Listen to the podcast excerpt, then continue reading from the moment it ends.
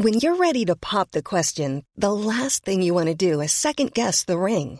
At Bluenile.com, you can design a one of a kind ring with the ease and convenience of shopping online. Choose your diamond and setting. When you find the one, you'll get it delivered right to your door. Go to Bluenile.com and use promo code LISTEN to get $50 off your purchase of $500 or more. That's code LISTEN at Bluenile.com for $50 off your purchase.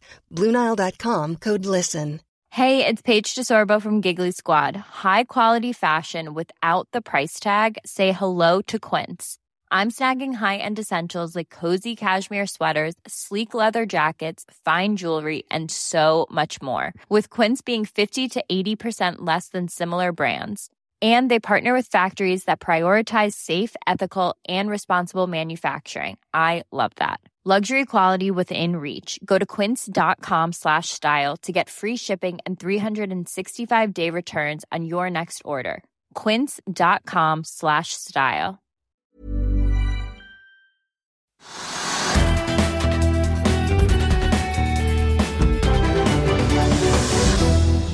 Velkommen til Økonominyhetene på denne gudskjelovdagen fredag 26. august. En dag som står i flyets tegn, får vi si, for etter at Norwegian altså slapp sine tall i går, så var det SAS og Flyr sin tur i dag. Vi har snakket med konsernsjef i SAS Vandar Verft, og vi får straks besøk av Flyr-sjef Tonje Wikstrøm Frislid her i studio.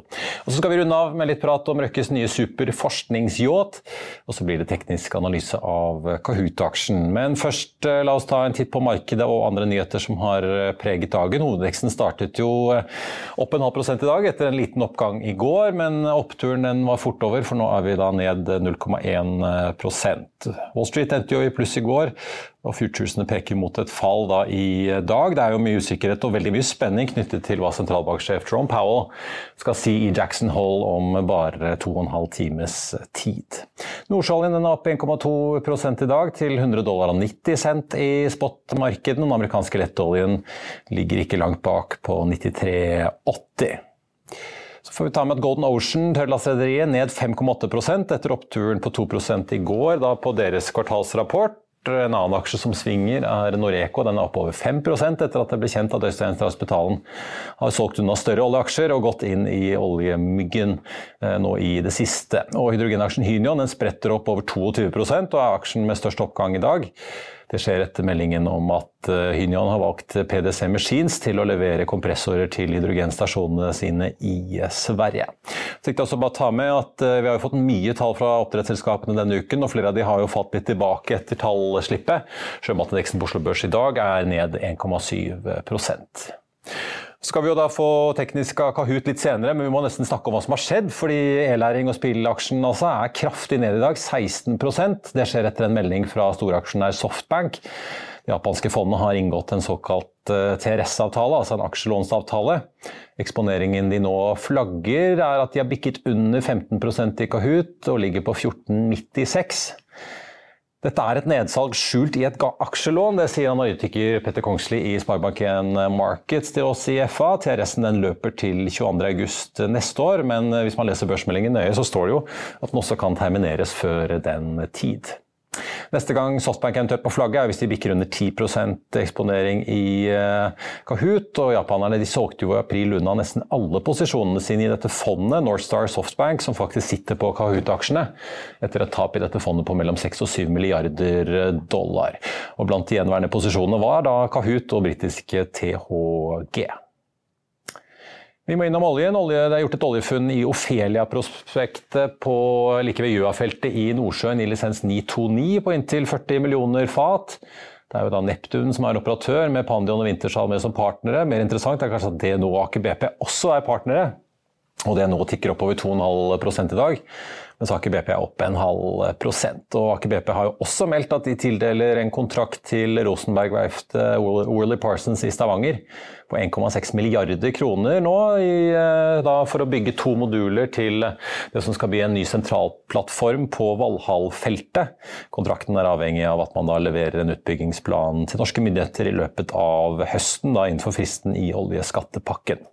Byggestarten på prosjektet skal være neste høst, og dette er jo da en del av det større PVP Fenris Valhall-prosjektet, som Aker BP kaller det, der de sammen med Pandion og polske Pignig skal investere mellom 40 og 50 milliarder kroner. Og Aker BP-sjef Karl Jonny Hersvik sier at de gjennom dette prosjektet vil etablere Valhall som et gassenter i den sørlige delen av Nordsjøen. Og det er jo litt nye toner å høre fra Aker BP, som historisk sett har vært mest opptatt av oljefunn og oljefelt å bygge ut. Før vi går videre i sendingen, husk at du også kan se sendingene våre ved å gå inn på fano-tv, og at vi også har andre podkaster enn bare Økonominyhetene, som Morgenkaffen, Gründerpodkasten Veien hit, Ukens vintips, Kunstpraten og bilpodkasten Mil etter mil. De finner du ved å søke Finansavisen, der du hører på podkast. Før vi dykker ned i Flyrs regnskap, så skal vi nå fly over til Atlanteren, der det bare er altså et par timer igjen til Fed-sjef Jerome Powell skal tale. Mer om det og Frontline i dagens aksjetips. Dagens og kanskje månedens viktigste hendelse er Jerome Powells tale i Jackson Hole. Spørsmålet du, jeg og resten av verden stiller oss er naturligvis hvor skal vi legge pengene våre nå? Det er fredag, og her er aksjetipset. En forvalter i eh, Pelia Funds Management i USA trekker fram to potensielle kandidater. Dollar General og JD Sports. Begge selskapene er i handelssektoren og har prisingskraft til å stå imot inflasjonspresset, ifølge forvalter Jordan. Selskapene kan skyve prisstigningen over på kundene, samtidig som de nyter godt av at kunder kommer fra dyrere butikker og ned til dem for å finne billigere alternativer, sier Jordan til CNBC. Her i Norge er det små justeringer fra meglerhusene i dag, men eh, flere har oppdatert Jon Fredriksens frontline etter kvartalstallene i går. Jefferies hever fra 9 til 11 dollar og anbefaler hold, mens Eirik Håvaldsen i Pareto hever til 154 kroner og kjøp. Det gir 35% oppside fra kursen i dag. Par andre korte kvartalsnyheter. Northern Ocean, dette riksselskapet til Jon Fredriksen, er ned 3,8 i dag. De har jo hentet 40 eh, millioner dollar i en rettet emisjon, som vi kunne lese i en melding i går kveld. Selskapet kom også med kvartalstall som viser at driften gikk 22 millioner dollar i minus. Det er en bedring på 1 million sammenlignet med samme periode i fjor. Og så er det jo da sånn at eh, Northern Ocean har sikret seg en kontrakt med Shell i Namibia for denne Deep Sea Bolstad, hvor de da skal bruke disse pengene fra emisjonen for å reaktivere riggen. Hafnia har kommet med tall. De ble ikke spesielt godt mottatt i eh, markedet, og rederiet straffes da med en nedgang på 4% mens Horisont Energi klatrer drøye 2% på sine. Og så er jo da AF-gruppen ute med sine tall. De leverte solid vekst i andre kvartal og belønnes med en oppgang da på litt over 3% Og så får vi slenge på en liten eh, makrooppdatering på tampen her. SSB har jo kommet med tall for detaljhandelen i juli i dag. Den viste et større fall enn ventet og handelen endte da ned sesongjustert 2,1% fra juni til juli. Og SSB peker på at mye skyldes byggevarer og dagligvarer, men da en generell nedgang jevnt over. Men det var særlig da de sektorene som pekte seg ut. Da skal jeg ha med dagens gjest, og med sitt første hele driftsår bak seg er ikke Flyr lenger helt ferske i gamet, og etter en sommer med får vi si, både svindyrt drivstoff og en konkurrent som ble slått ut av streik, så var det jo veldig mange som også var veldig spente på hva dere skulle si i dag da dere presenterte tallene for andre kvartal. Velkommen til oss, Tonje Wikstrøm Frislid. Takk for det. Tonje, kanskje vi skal begynne med det, da. Vi sto og spekulerte her litt før i sommer da trafikktallene kom fra alle dere i bransjen eh, for juli måned om det ble liksom deres store gjennombrudd. Ikke bare fordi det var første hele sommeren dere drev, men også fordi en stor aktør var helt slått i bakken har to ukers eh, pilotstreik. Hvordan var sommeren for dere? Den har vært veldig god. Vi ja. har jo jobbet oss inn mot denne sommeren over lang tid. Og heldigvis hadde vi god fart inn fra dette kvartalet og inn i sommeren. Og gode salgstall og gode trafikktall. Og vi, jeg må jo si, det har vært hard jobbing for å komme dit, men vi har virkelig levert godt. Altså. Så vi får utrolig gode tilbakemeldinger fra de som har reist med oss, og det, det er bra. Vi har flydd alt det vi har sagt vi skal fly, og, og kundene er veldig fornøyd med opplevelsen hos oss. Ja, nå har dere kommet opp i ti fly, så det har begynt å bli litt størrelse på dere, selv om det er et stykke opp til eh, Norwegian ennå. Men jeg så jo nå Driften gikk jo 280 millioner i minus. Jeg så jo Norwegian sin drift også i minus, da, men dette er jo da frem til og med juni måned. Eh, hva kan du egentlig si om hvordan eh, juli og august så langt har vært? Altså, Har dere gått i Julie har vært bra. Og så når det er sagt, det er langt stykke igjen til Norwegian. Vi, vi skal ikke dit. Vi Nei, trenger ikke å bli så store. Så jeg er 70 fly, opptatt av det. Nei, og det er jo det jeg tror denne bransjen trenger. det. Jeg tror den trenger flere selskap som oss, som er små og ikke må bli så store for å få ned kostnadene sine. Men eh, når det er sagt, så ja, vi har hatt en kjempesommer. Eh, masse belegg, eh, god eh, betalingsevne for det belegget vi har hatt. Og så er det jo usikkerhet inn i, i høsten nå. Vi ser jo det at det tar Det har begynt å ta seg opp etter sommerferien. Eh, men det, det, det går litt tregere enn vi ønsker. Men Ja. definitivt har vi levert godt, så vi håper jo og tror at mange av disse kundene har lyst til å fly med oss igjen. Jeg merket meg litt, i hvert fall sånn som dere beskriver det, så virker det som det er litt endringer i hvordan eh, kunden oppfører seg. Når man skal fly utenlands, så bestiller de litt lengre frem i tid. Det gir jo dere litt bedre visibilitet på eh, belegget og markedet, men fortsatt på innenriks eh, så er det veldig kort tid før avgang folk bestiller. Ja, også på ferie, for så vidt, er det ganske kort horisont, men den, den er noe lenger enn på innenriks, eh, ser vi nå. Men, men det er ikke lang horisont. Vi ser jo høstferien fyller godt, men ferie er heller ikke veldig lang horisont nå. Altså, og, og forretning veldig kort. Det har blitt værende. Mm. Si litt om denne effekten av denne SAS-streiken, som tross alt kom i tredje kvartal, uh, riktignok. Uh, først var det en flyteknikerstreik som dere heller ikke var rammet av, og så var da SAS ute. Eh, vi ser jo på fyllingsgraden deres hvert fall, at den bikket jo opp eh, fra en 78, nesten 79% til litt over 92 i juli, fra juni til juli. Mm. Men hvor, hvor fullt var det før streiken begynte, og hvor fullt ble det da takket være streiken? Ja, vi lå vel rundt 90% før streiken, så vi hadde ikke mange seter igjen. Og så kan du si at Det var kanskje litt dumt at vi burde hatt flere både i forhold til pris, men også kunne hjelpe alle de eh, som var veldig fortvilet i sommer. For det var mange. så Den største utfordringen for oss var vel egentlig å ta imot alle de henvendelsene som kom på kundesenteret vårt. For Ja. vi har jo sagt det at vi skal ha de i Norge for å være tett på kunden og svare de raskt, men det, det var noen utfordrende par uker for de. Det skal vi innrømme. Men er det noe på en måte, i logistikken deres som dere har lært av, hvor dere kunne kanskje da klart å fylle opp til 97-98% omtrent?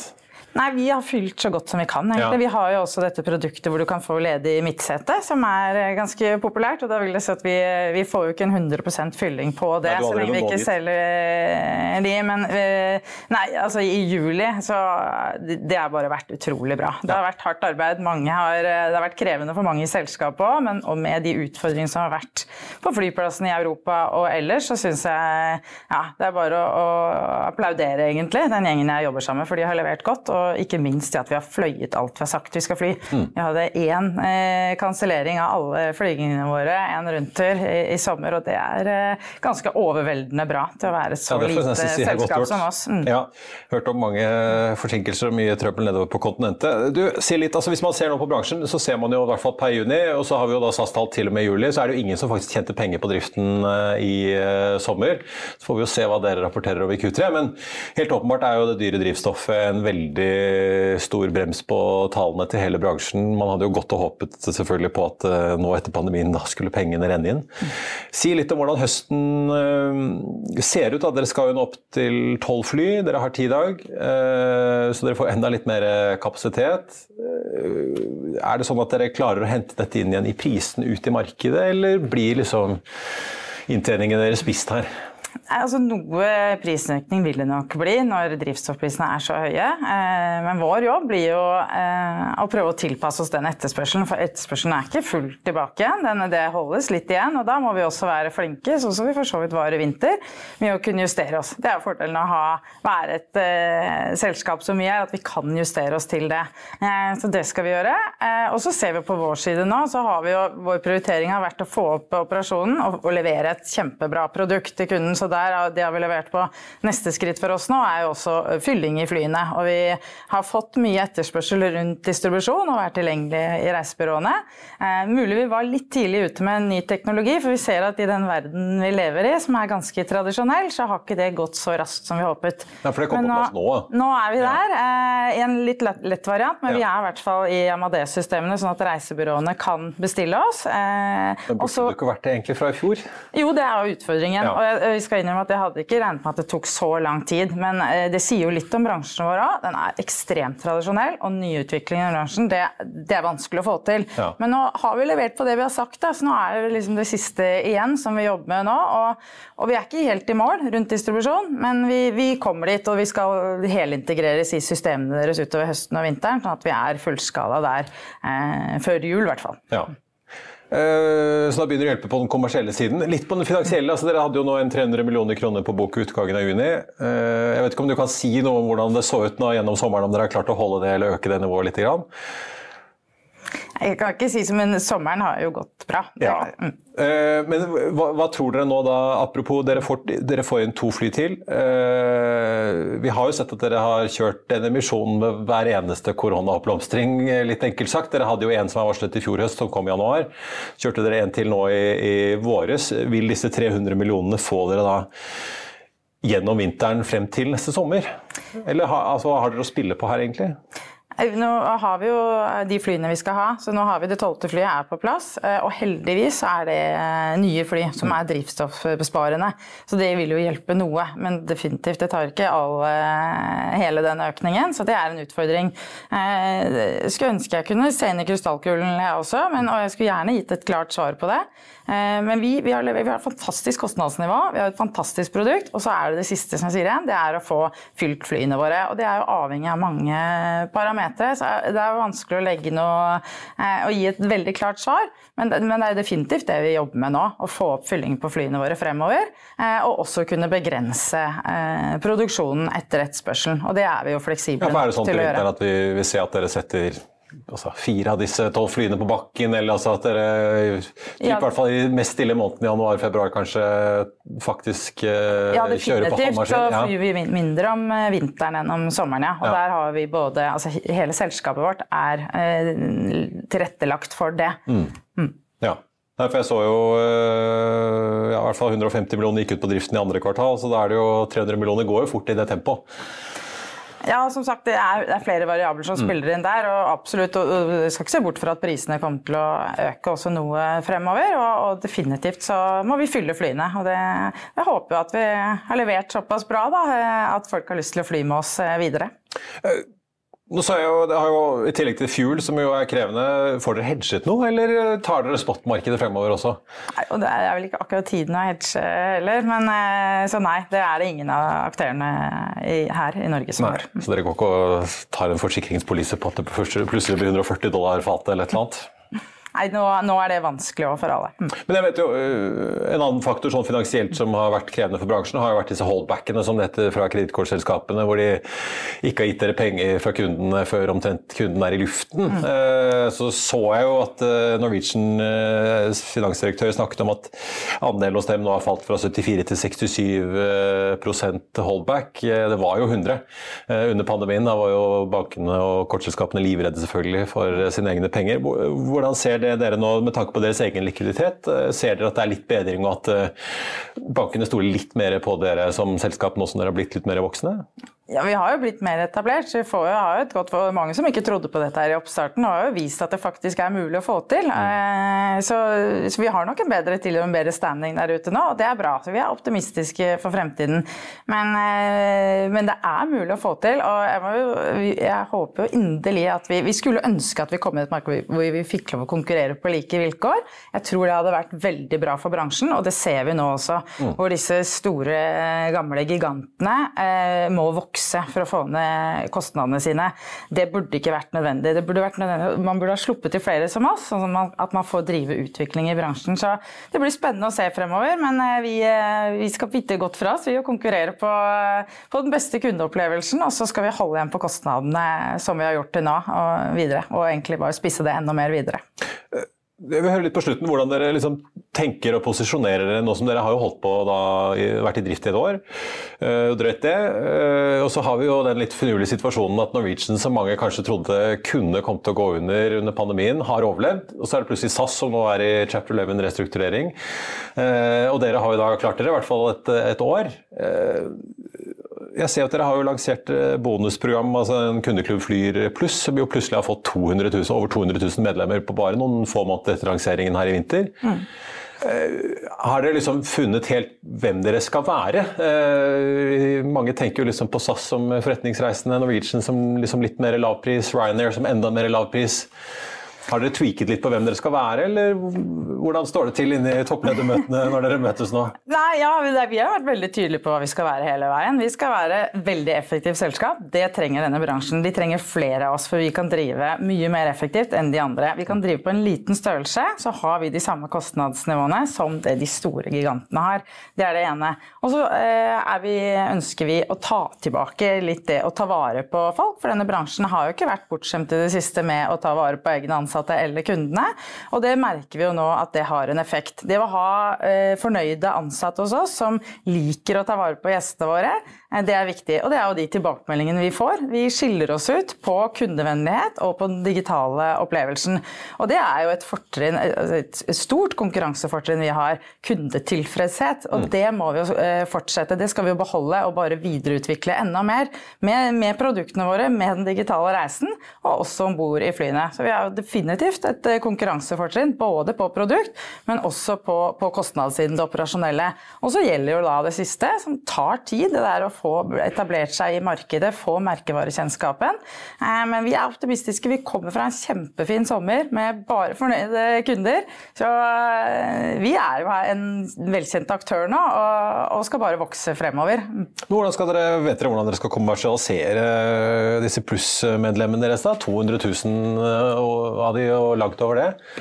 Det er, må jo være en interessant inntektskilde med tanke på partnere og Absolutt, som vi ser her, og bonus og alle andre ja, Det har liksom. gått ja. Eh, ekstremt fort. Det har gått, vi, vi hadde jo tro på at dette kom til å være, bli populært. Ja. Nei, men at det skulle gå så, så, raskt, det så vi ikke helt. Så det er jo veldig positivt. Og jeg må jo si, vi er jo en av de få i denne bransjen eh, et flyselskap som folk faktisk heier på. Og det er jo hyggelig, og det sier jo litt om liksom, kundeopplevelsen du har hos oss, og den feelingen folk får.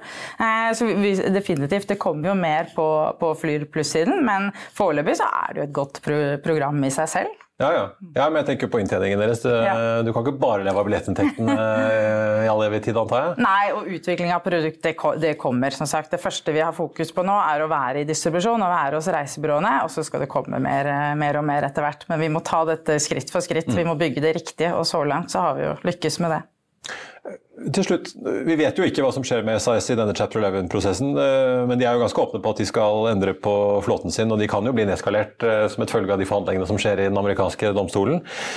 Eh, forbereder dere på at her kan det plutselig åpne seg et større rom i markedet i Norge hvis SAS nedskalerer litt her om å fokusere mot kjernevirksomheten sin på Kastrup? Vi, altså vi, har, eh, vi, fokuserer på det norske markedet, og vi eh, kan nå ha et godt produkt i det norske markedet. Eh, ideelt sett så ville vi hatt noen flere fly etter hvert, men nå klarer vi å få til et bra tilbud på de flyene vi har. Fordi vi, vi kan fly mange flyginger på flyene våre, og vi er effektive. Så absolutt et godt produkt. Og igjen må jeg få si at jeg tror det hadde vært bra for bransjen om det var flere sånne som oss, og ikke bare at man tar vare på de gamle gigantene. Men eh, det påvirker kanskje, altså fremtiden til SAS påvirker kanskje om du benytter av de opsjonene du har. For du kan jo enten sitte med 16 fly neste år eller 20. Det kan man. Eller nå er det jo planlagt inn for de fire flyene. Så ja. vi har sagt et sted mellom 16 og 20 fly. Men vi, vi har ikke dårlig tid. For vi, vi, må bygge dette sakte, men sikkert. Og, og fortsette egentlig i den farten vi har gått nå. For det har vært ganske suksessfullt. Tonje Wikstrøm Frisid i Fly, takk skal du ha. Vi skal følge spent med, og så får vi jo på deres vegne og bransjens vegne, og sikkert for egne vegne med tanke på billettpriser, krysse fingrene for litt billigere drivstoff fremover. takk skal du ha. Da skal vi over til konkurrenten SIS, altså, som er ned en 3% på børsen i dag. Selskapet står jo midt oppe i denne Chapter 11-prosessen i USA og kommer med sine kvartalstall. altså. Da snakker vi jo om SAS i tredje kvartal, som løper fra mai eh, via juni og ut juli måned, altså en måned mer enn de to andre. Selskapet meldte om et resultat før skatt på nesten minus 2 milliarder svenske kroner og en streikeregning på 1,4.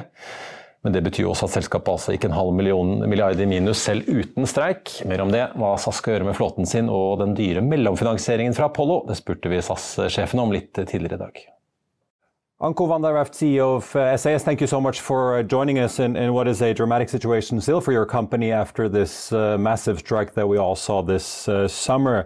Uh, moving into the summer, everyone expected the industry and SAS obviously to make lots of uh, money, but I wanted to ask about a couple of the numbers in your report. You're reporting a loss before taxes of, of just under 2 billion Swedish kroners, yet you're saying that the strike cost you about 1.4. Uh, are you basically then saying uh, you wouldn't make money even if there was no strike? I think there's there's three things that really have been very complicated for us this uh, this quarter. Obviously, the strike itself, um, right? Once more to all of your viewers as well, we apologize for what has happened, right? This is not who we want to be. This is not the summer that we intended to provide them and this is, of course, has caused a lot of disruption for our passengers. So once again, really, we start by saying, truly apologizing and truly saying sorry to them. Um, the financial impact, of course, for the company has also been tremendous. Also, fuel, the fuel price, if you look at that year over year, um, about 700 million that is going against us. And then the cost of all the complexity of the infrastructural challenges all over Europe, right? All of those airports, the delays, the caps on capacity, uh, the constraints that we have seen, it is very complex to manage. And I think all those three elements combined, it comes as no surprise. But yes, disappointing results the last quarter. And you're not alone. We saw Norwegian's uh, massive fuel bill as well when they reported yesterday. Uh, given that you you know you've you've lost now about 1.7 billion uh, of your cash in one month during this this uh, demanding July with the strike and everything. Uh, one of it came from your operations. How is your fall outlook looking now with bookings? And your and your uh, ability to be able to maintain uh, your cash cash position going into winter now? Yeah, I'm actually happy to say that the, the, the trend line bounced back immediately. Um, I think uh, really on track uh, as far as bookings and sales is concerned again. That happened within days after the strike. I must say that that resilience in a way has also surprised me. I think it was really good to see the loyalty that we still have and certainly when you now look at August everything is everything is back to normal in that sense. Normal as in it's still lower because of COVID and the ramp up, but um, good good to see. Uh, look, we've got six uh, six billion, uh, right, six point one in. Um, indeed, in, a, liquidity position. We've also signed a loan agreement with Apollo Global Management for up to $700 million, call it 7 billion Swedish kroner. Now, the cash position that we have, the 6 billion, the 7 billion uh, loan with Apollo, and then, of course, the ongoing ticket sales and our own uh, liquidity that we can build, that will definitely get us through um, however tough the winter may be um, and through our restructuring process, right? So that is primarily what the loan with Apollo, of course, is meant to I do. I wanted to ask you about that. Uh, uh, if you read about Apollo, and, the, and you obviously know them uh, as well, uh, they've been uh, part of many restructurings in the airline industry.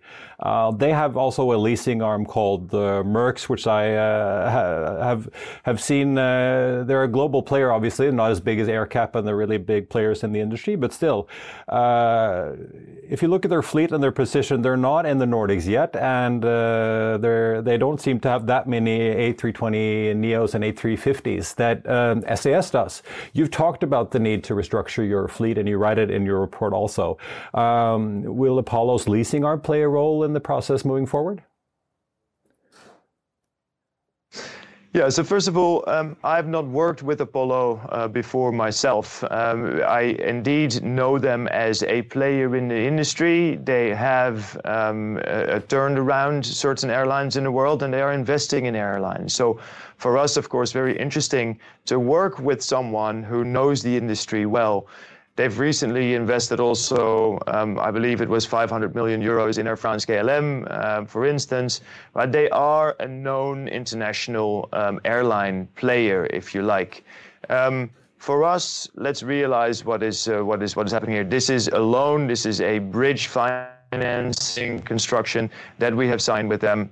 So do do this really step by step. Um, we have to go through the restructuring process of course, try and see also with them, hopefully, what knowledge they can bring to the table for our restructuring process, and then really see where we stand. Uh, what can you say about your uh, plan to reorganize the fleet in, in, general? You have now 14 long haul aircraft that you said you want to take down a little bit. Uh, you have about 84 short haul aircraft and, and, 25 CRJs, as well as now three Embraers, as I understand it, in SAS uh, Link. Uh, will we see a smaller SAS or will we see a different profile with uh, more smaller jets, or what, is this going to look like? Yeah, I think I think definitely you touched upon it uh, yourself, right? We spoke about it last time. Um, COVID has been tremendously hard, for instance, for Asia. Our Asian traffic um, was not even recovered before Russia invaded Ukraine. And since that war in Ukraine, um, the Russian airspace is closed. So our Asian traffic, at the moment, we fly one weekly frequency and we fly south of basically Ukraine. We fly to Shanghai. And that is really everything that there is for us to do in Asia at the moment, which is, of course, extremely little. So we've been very vocal and very clear also to our less we don't need the number of wide body aircraft that we have at the moment, and we would like to restructure that fleet. And that is a tool, for instance, that Chapter 11 gives you, right? The reason for going into Chapter 11 is partially because you can then renegotiate your fleet agreements, and that's what we're doing. Um, secondly, that will mean hopefully a fleet simplification, right? That is what we are after. You see those two families that we're having, the A330s and the A350s on the wide bodies. Um, yeah, and on the on the narrow bodies, we will have to do things ourselves as well. So. Um, next step for us is really assess um, and see how many aircraft we don't need, and then go to our lessors and tell them, well, look, here is some aircraft back. That is I think the likely outcome of the next uh, the next step um, that we're going to take with our lessors. Uh, just before I let you go, Anko, I wanted to ask about the uh, My... the financing here and, and the if you look at the details in, in, what Apollo is providing you, obviously everyone knows you're in, in a challenging situation, uh, but still there are a lot of fees, and if you look at it, also Apollo is, is uh, you know if they're not able to join your equity raise, they're guaranteed uh, an internal rate of return of over 23% on their financing. How big of a burden is this when you're competing with other airlines that have restructured or, or are not in Chapter 11 at this point?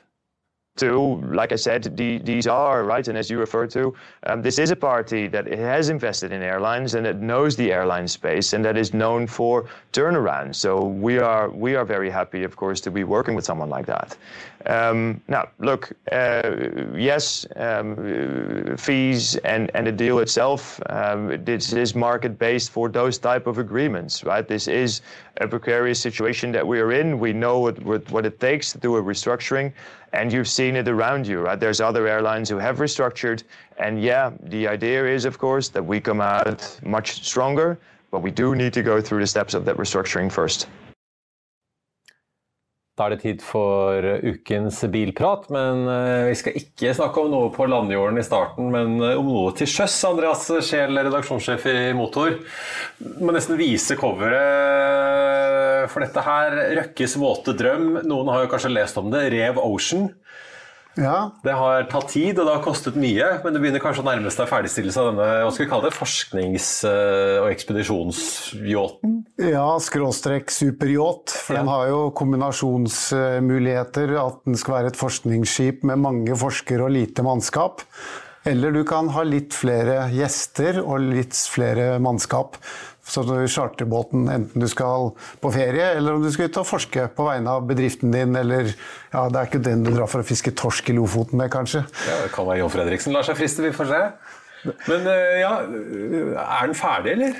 Er, båten er ikke ferdig. Når den blir ferdig er heller ikke helt avklart. men Det er nok ikke lenge til, men kanskje i løpet av neste år. Men da er den allerede rundt to år forsinket.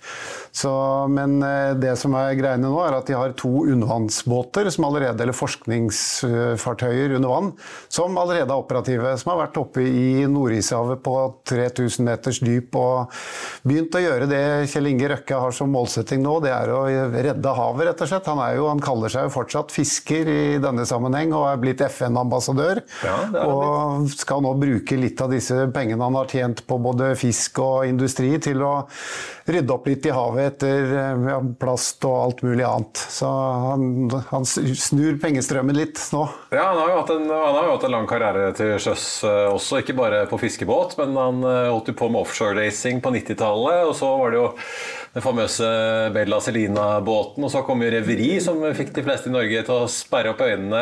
Denne enorme yachten fra Benetti-verftet, eller hva det var? Ja, det er klart den var stor, den, men denne er jo enda større. og I lengde så blir jo dette verdens lengste yacht på 183 meter. Den er tre-fire meter lengre enn denne saudiarabiske prinsens eh, Assam som inntil nylig har vært eh, størst. Men eh, dette er en helt annen type båt. Den er lavere, den har mye mindre overbygg og er mye mer utviklet for forskning. Den har flere landingsplattformer for helikopter osv. Så, videre, så plassen om bord er mye mindre enn på en tilsvarende størrelse båt.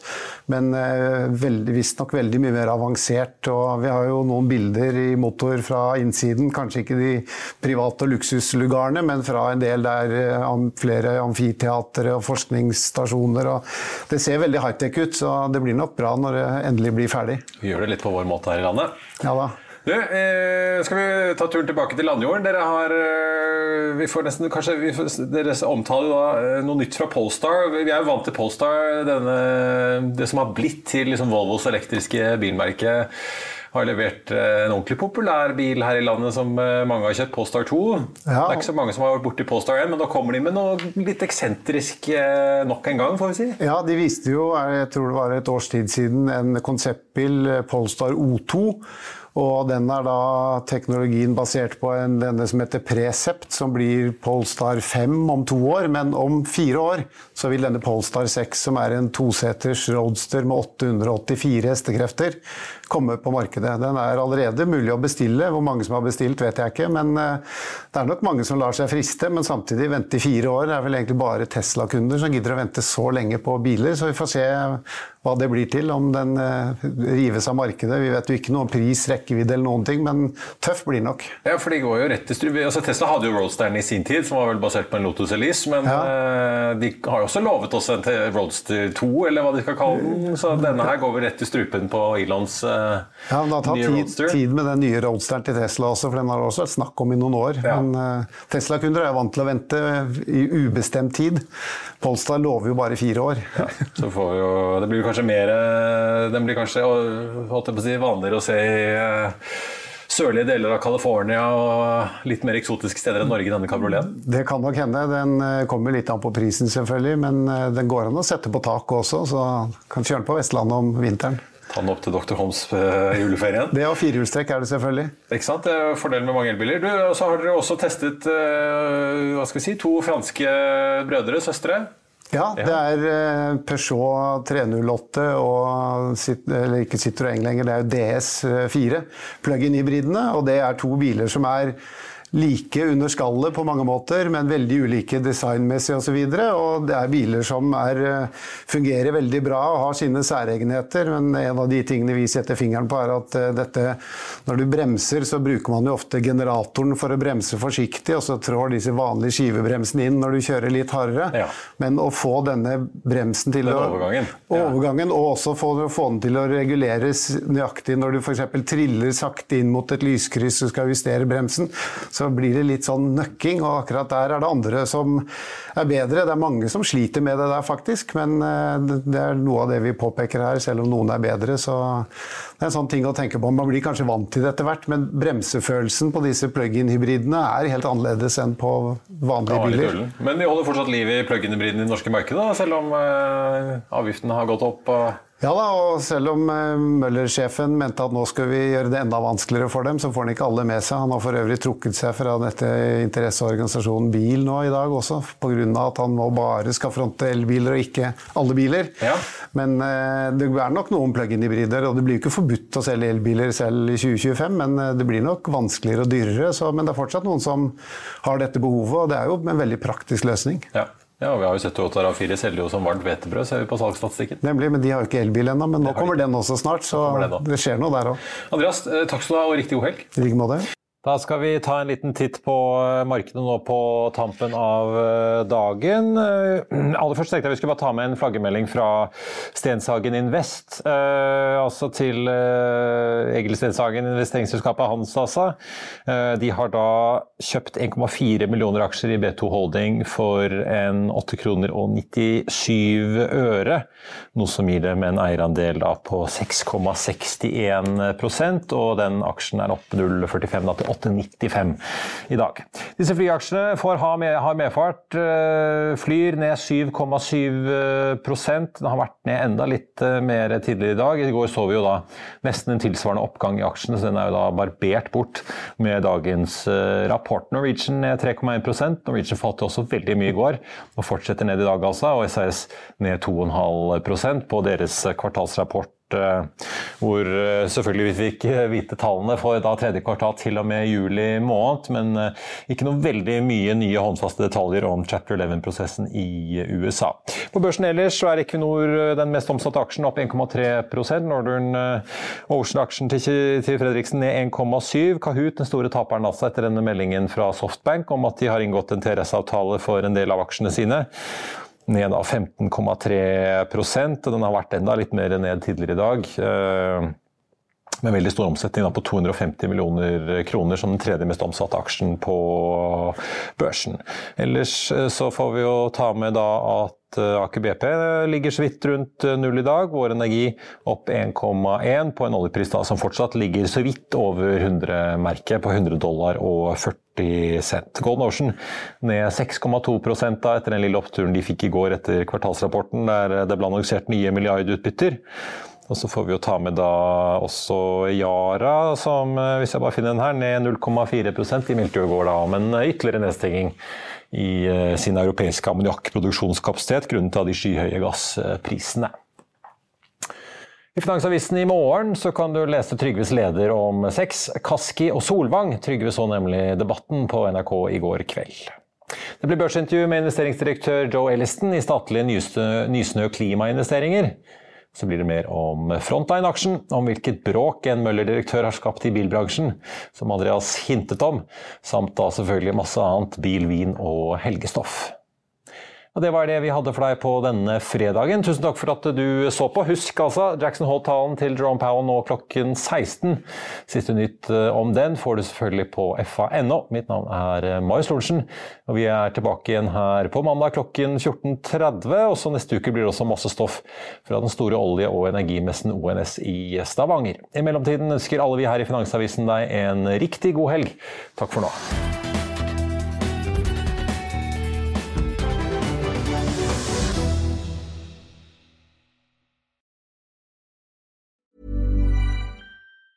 Hey, it's Danny Pellegrino from Everything Iconic.